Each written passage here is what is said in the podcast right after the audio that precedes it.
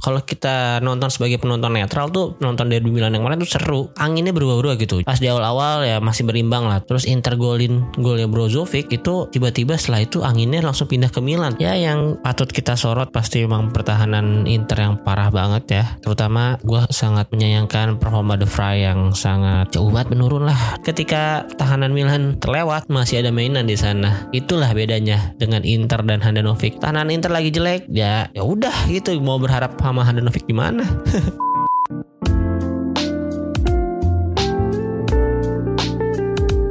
Halo, selamat pagi, siang, sore, dan malam. Kembali lagi di Interisme Podcast, podcast yang bahas berita-berita seputar Inter yang gue kutip dari sosial media dan portal-portal berita olahraga. Apa kabar teman-teman semua?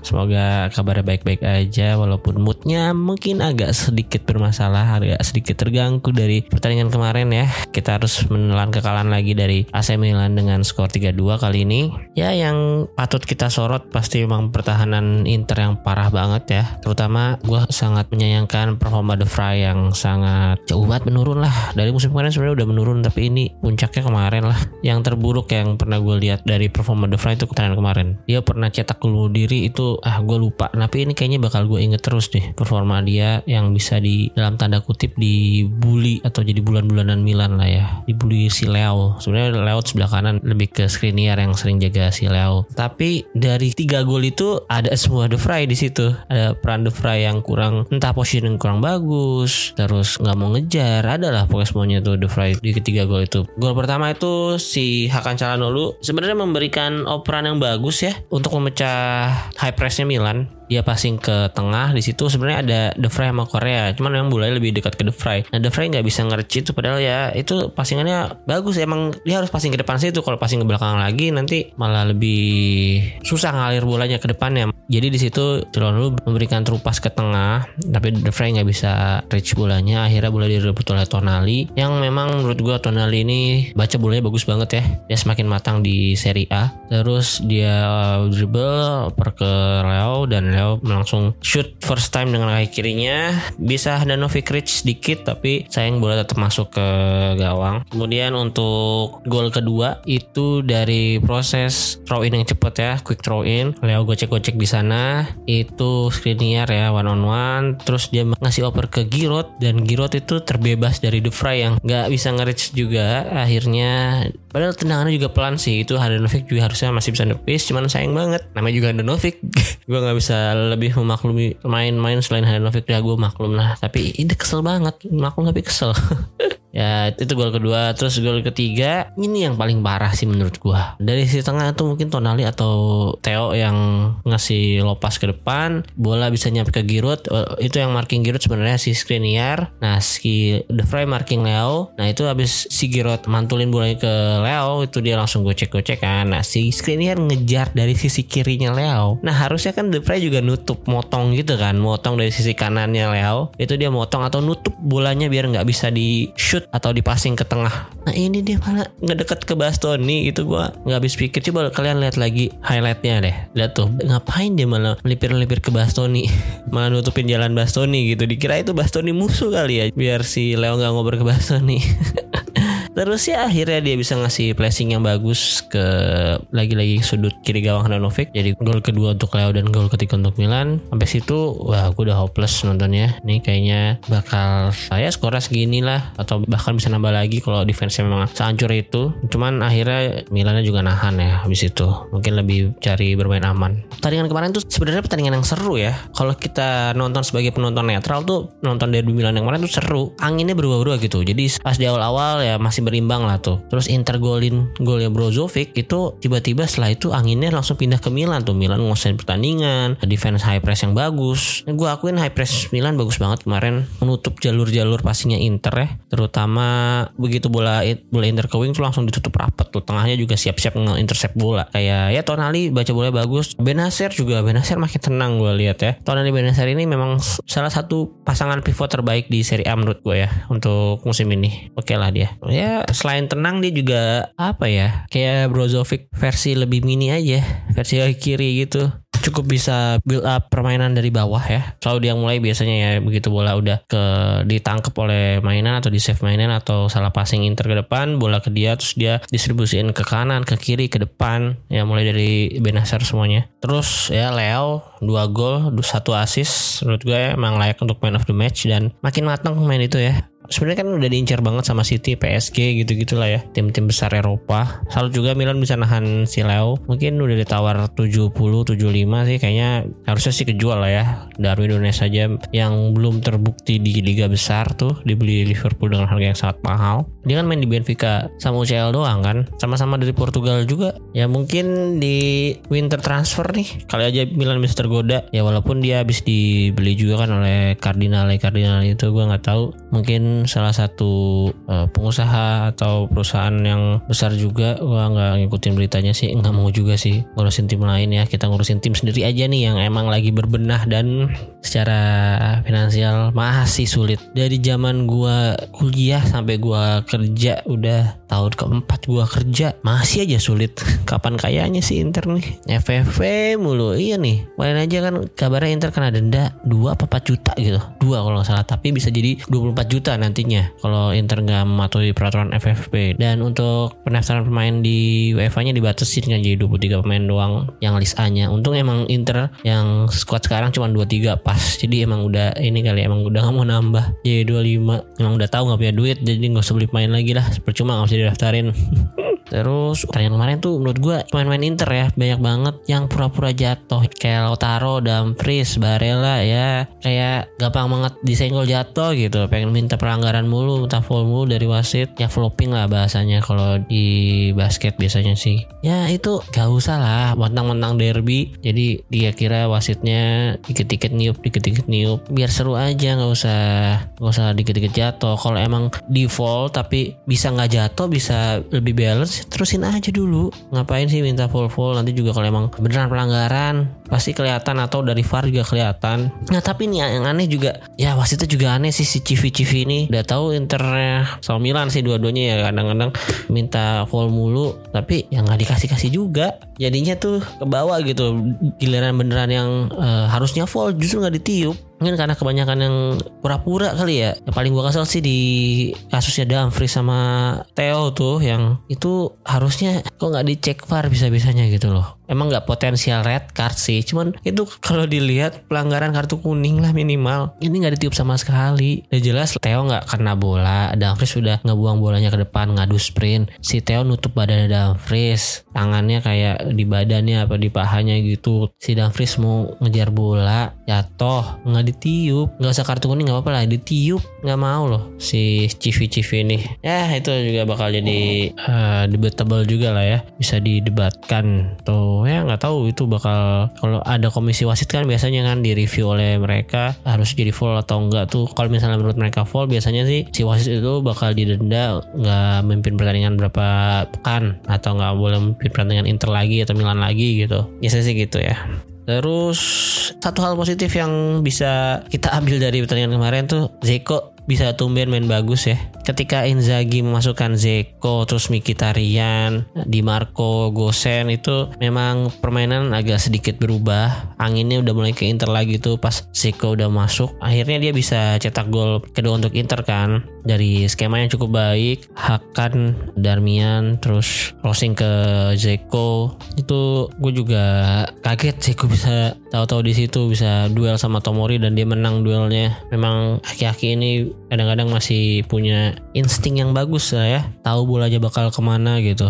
Itu memang harusnya gitu ya udah striker umur 36 tahun pengalamannya berhadapan dengan back-back yang bagus ya harusnya tahu gimana cari celahnya. Terus sebenarnya Zeko ini juga hampir nyaman kedudukan ya dari posisi fast break tuh. Sayangnya nggak passing sih dia malah memilih untuk nendang sendiri berhasil melewati kolongnya Tomori cuman bola berhasil dihalau oleh si Mike Mainan yang bermain sangat bagus. Sebenarnya sih tiap pertandingan ya ya. Dia hampir tiap pertandingan main bagus terus banyak save-nya. Walaupun ya memang pertahanan Milan tuh nggak nggak flawless lah ya. Masih banyak celah sebenarnya. Cuman ketika tahanan Milan terlewat masih ada mainan di sana. Itulah bedanya dengan Inter dan Handanovic. Tahanan Inter lagi jelek ya ya udah gitu. Mau berharap sama Handanovic gimana?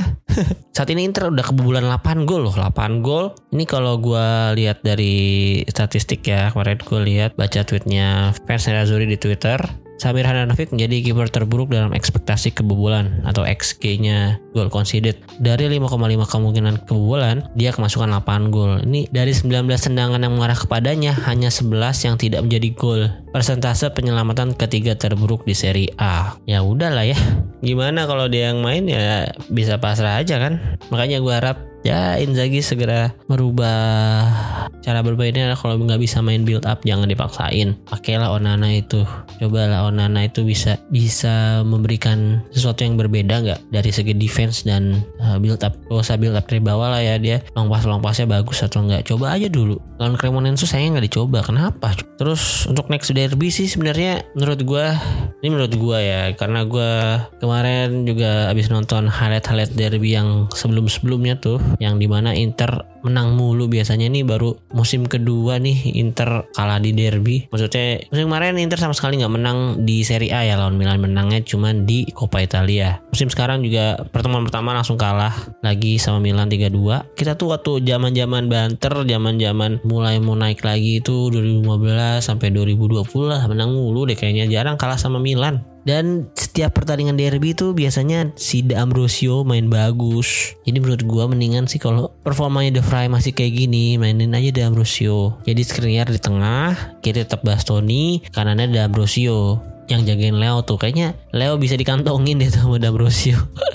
Ya enggak sih. Cuman dia tuh masih punya hasrat untuk menjadi back yang bagus gitu. Astel niat kalau jagain orang apalagi pas lagi di depan juga kondisi corner atau tendangan bebas tuh biasanya kan dia maju ke depan. Dia benar-benar positioning bagus kadang-kadang terus ya bisa memanfaatkan kelengahan lawan gitu. Gue rasa dengan pengalamannya dia bermain di derby beberapa derby ya dia selalu biasanya dulu malah inti terus tuh D'Ambrosio selalu bermain bagus lah. Jadi gue rasa nanti di Super Copa atau di next pertandingannya lawan Milan di paruh kedua, cobalah tuh Skriniar, D'Ambrosio, Bastoni. Kanannya ya tetap Dumfries boleh lah. Kalau mau lebih defensif lagi taruh Darmian sekalian tuh di kanan. Jadi pergerakan Leo bisa lebih diperkecil, lebih dipersempit lah. Mungkin gue sedikit bacain statistik kemarin ya. Kemarin itu secara ball position sebenarnya Inter unggul sedikit karena setelah udah menipiskan jarak ke 2-3 Inter kembali menguasai pertandingan ya. Mencoba beberapa cara, beberapa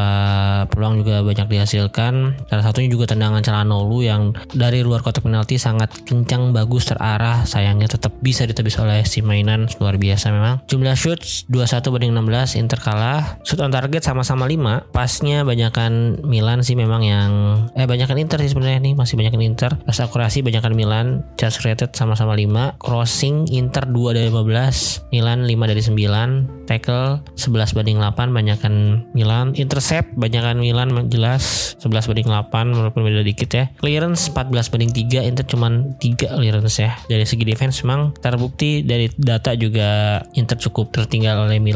Kemudian untuk jumlah kebobolan seperti yang gue bilang tadi Handanovic salah satu yang terburuk di Serie A. Bahkan Inter tuh jadi yang terburuk di top 10 lah ya. Inter kebobolan 8 gol sedangkan yang lain itu cuman 5 paling banyak. Milan, Udinese, Roma, Lazio, Torino yang lain 4 ke bawah. Atalanta yang paling bagus saat ini masih hanya dua kali sama bersama Juventus. Dari jumlah kalah juga di top 10 ini Inter yang paling banyak. Inter udah dua kali kalah sedangkan yang lain masih satu kali paling banyak kalahnya. Memang banyak yang seri kayak Juve seri tiga kali Milan seri dua kali Napoli seri dua kali. Saat ini masih Atalanta yang berada di puncak setelah mengalahkan Monza tadi. Cremonese 9 beda satu doang. Sampdoria 9 ini peringkat 18 19 20 nih golnya kebobolannya 9 9 13 peringkat 17 aja Lecce walaupun belum bermain sih. Ini kebobolannya 5 yang lebih buruk dari Inter tuh cuman kayak Spezia Verona sama tadi Sampdoria Cremonese Monza. Yang lain nggak ada yang lebih buruk dari Inter. Kacau kan? Tapi ini menurut tweetnya Inter Story nih Inter Milan story yang diambil dari Sky Sport. Pertahanan Inter dalam 10 musim terakhir ini yang paling buruk ya. Kebobolan 8 gol di 5 pertandingan pertama. Sebenarnya Inter pernah kebobolan sebanyak ini juga pada musim 2020-2021 satu pelatih Conte. Cuman Conte uh, akhirnya bisa membalikkan tren dan kemudian menangkan Scudetto. Akankah Inzaghi bisa melakukan hal yang sama? Nah, ini nih jadi pertanyaan juga nih. Bisa nggak nih dari kebobolan di awal-awal 8 tapi di akhir musim tuh kalau nggak salah Inter yang tersedikit gol ya. Ntar gue cek. Iya benar benar benar. 2021 akhirnya Inter cuma kebobolan 35. Yang lain Milan di bawahnya 41, Atalanta 47, Juventus 38. Yang paling dekat 38. Itu salah satu hal yang baik juga dari Conte lah ya. Yang pertandingan awal kebobolan banyak tapi selanjutnya bisa menjaga pertahanan dengan baik. Dari segi jumlah gol juga 89 saat itu. Cuman kalah dari Atalanta yang paling banyak di musim tersebut. Dan kemudian di musim selanjutnya Inter musim kemarin cuma kebobolan 32 gol. Sebenarnya lebih dikit bahkan. Sekarang udah seperempatnya nih di musim kemarin 8 per 32 pertandingan baru 5 hmm, agak mengkhawatirkan juga kan makanya tapi memang sih kalau dari segi mencetak gol juga musim ini Inter lumayan oke. Udah cetak 11 gol hanya kalah satu gol doang dari Napoli. Dan ya satu hal positifnya bisa cetak 2 gol ke Milan tuh lumayan oke ya. Karena kemarin juga Milan baru kebobolan 3 gol sekarang 5 nambah dari Inter 2 golnya. Dan kalau gue jadi pelatih ini sih menurut gue udah Onana time lah ya waktunya Onana ya. Kalau nanti misalnya Onana nggak sebagus ekspektasi juga ya udah. Toh Handanovic juga lagi nggak bagus gitu. Ya udah main aja Onana biar dia bisa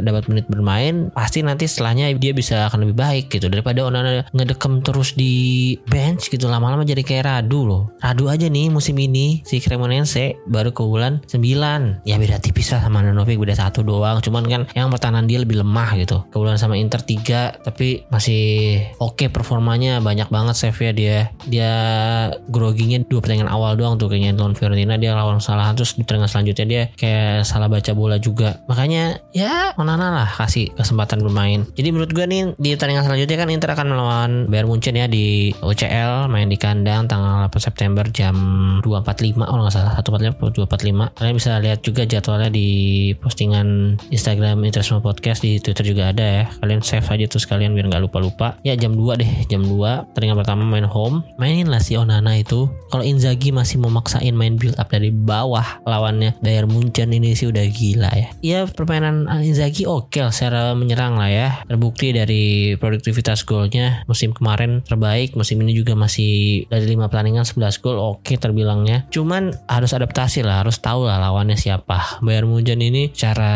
pertahanan pasti lebih solid secara penyerangan atau apalagi gitu. Gue rasa pasti dia akan high press juga. Dan kalau maksain high press ya kayak kemarin tuh ujung-ujungnya. Pasti akan di press ke wing ke pinggir-pinggir biar sudutnya dipersempit tinggal nunggu salah passing aja. Nunggu salah passing bola intercept counter attack cepet. Tahu sendiri kan main mereka ada siapa? Sane Mane Koman Muller terus Sabitzer dia pakai dua pivot ya biasanya Kimmich sama Sabitzer ya tinggal tunggu hukuman aja. Kalau maksain build up gitu possession ball tinggal nunggu salah passing pasti keteteran begitu terebut bolanya. Jadi gue rasa main pragmatis boleh lah. Kemarin ada juga kalau menurut akun Festina Rosary mendingan main 4-3-1-2 nih. Onana di keeper backnya Bastoni Skriniar kirinya Gosens kanan Dumfries tengahnya Brozovic Aslani Barella IMF nya Calhanoglu depannya Lukaku Taro walaupun Lukaku juga sekarang sekarang masih cedera jadi belum bisa. Mungkin ya Lautaro Korea atau Lautaro Zeko kalau Zeko mainnya bagus kayak kemarin ya bisa dipertimbangkan lah sama Inzaghi. Itu gue rasa kayak Inter bakal dibombardir terus sama Bayern Munchen.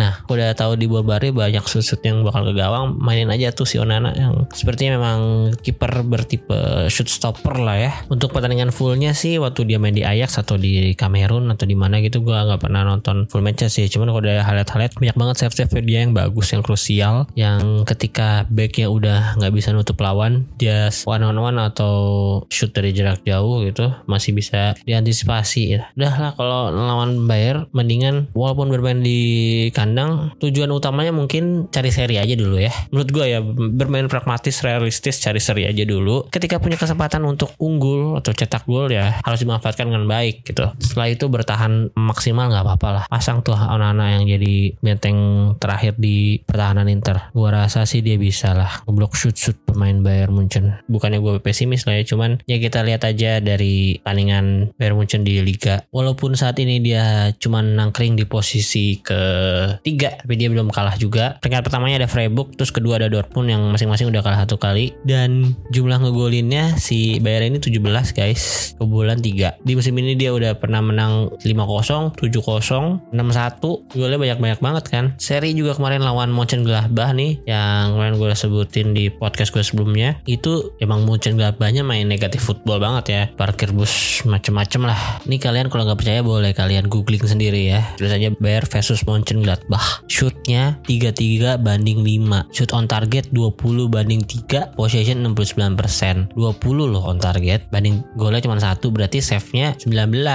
hmm Jan Sommer loh kipernya. Inter pernah ketemu juga sama Mönchengladbach di UCL kan Jan Sommer seenggaknya kiper beneran lah kiper beneran walaupun umurnya juga udah gak, udah lumayan senja lah ya udah lumayan tua tuh. Dan kayaknya formasinya juga lumayan unik 4-2-2-2 ya. 4 pemain depan ini selalu berotasi pergerakannya. Nggak pakem Sane di kiri Mane di kanan Oman di kiri atau gimana gitu. Mereka berotasi. Nah ini akan membingungkan juga untuk Skriniar Bastoni itu menjaga siapa nantinya di sisi wingnya. Jadi ya menurut gua seharusnya ketika lawan Munchen atau tim-tim yang kita rasa bermain lebih bagus dari Inter level ya. Bermain pragmatis aja lah nggak ada salahnya dicoba. Walaupun bakal banyak diserang seenggaknya harus tetap berusaha untuk menutup pergerakan main tutup ruang-ruang agar nggak dapat sudut tendang yang enak. Terus ya berharap bisa di save atau bahkan ditangkap terus Onana bisa kasih long ball ke depan. Oh long ball juga dari pramusim kita lihat lumayan bagus. Salah satunya waktu lawan Lugano ya walaupun Lugano sih.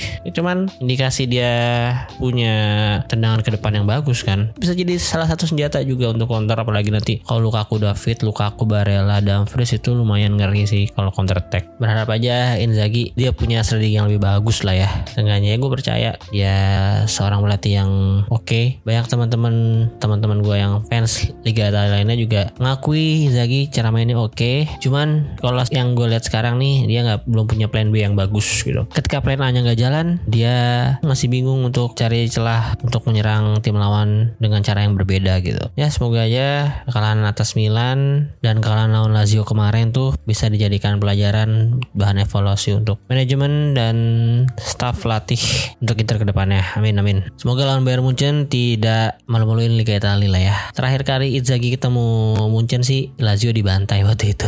6-0 kalau nggak salah ya, 6-1 gitu. Kalau target yang emang mau lolos dari Liga Champions sih harus pinter-pinter lah ya lawan Munchen. Bermain kayak Munchen lihat bang nggak ada salahnya sih. Cari satu poin poin yang berharga. Oke okay. tinggal nanti lawan Victoria Pleasant wajib 6 poin. Lawan Barca juga wajib metik satu kemenangan lah ya satu pertandingannya kalah atau seri. Masih ada peluang untuk lolos ke fase knockout. Amin amin. Oke okay, sekian untuk episode kali ini. Terima kasih untuk teman-teman yang udah mendengarkan. Jangan lupa di follow akun sosial media Interest Podcast. Kalau di Instagram kalau di Twitter Interest Media. Terus nyalain lonceng dan follow akun Spotify-nya biar kalian notifikasi tiap ada episode baru dari gua. Oke, sekali lagi terima kasih. Arif Widersi Forza Inter.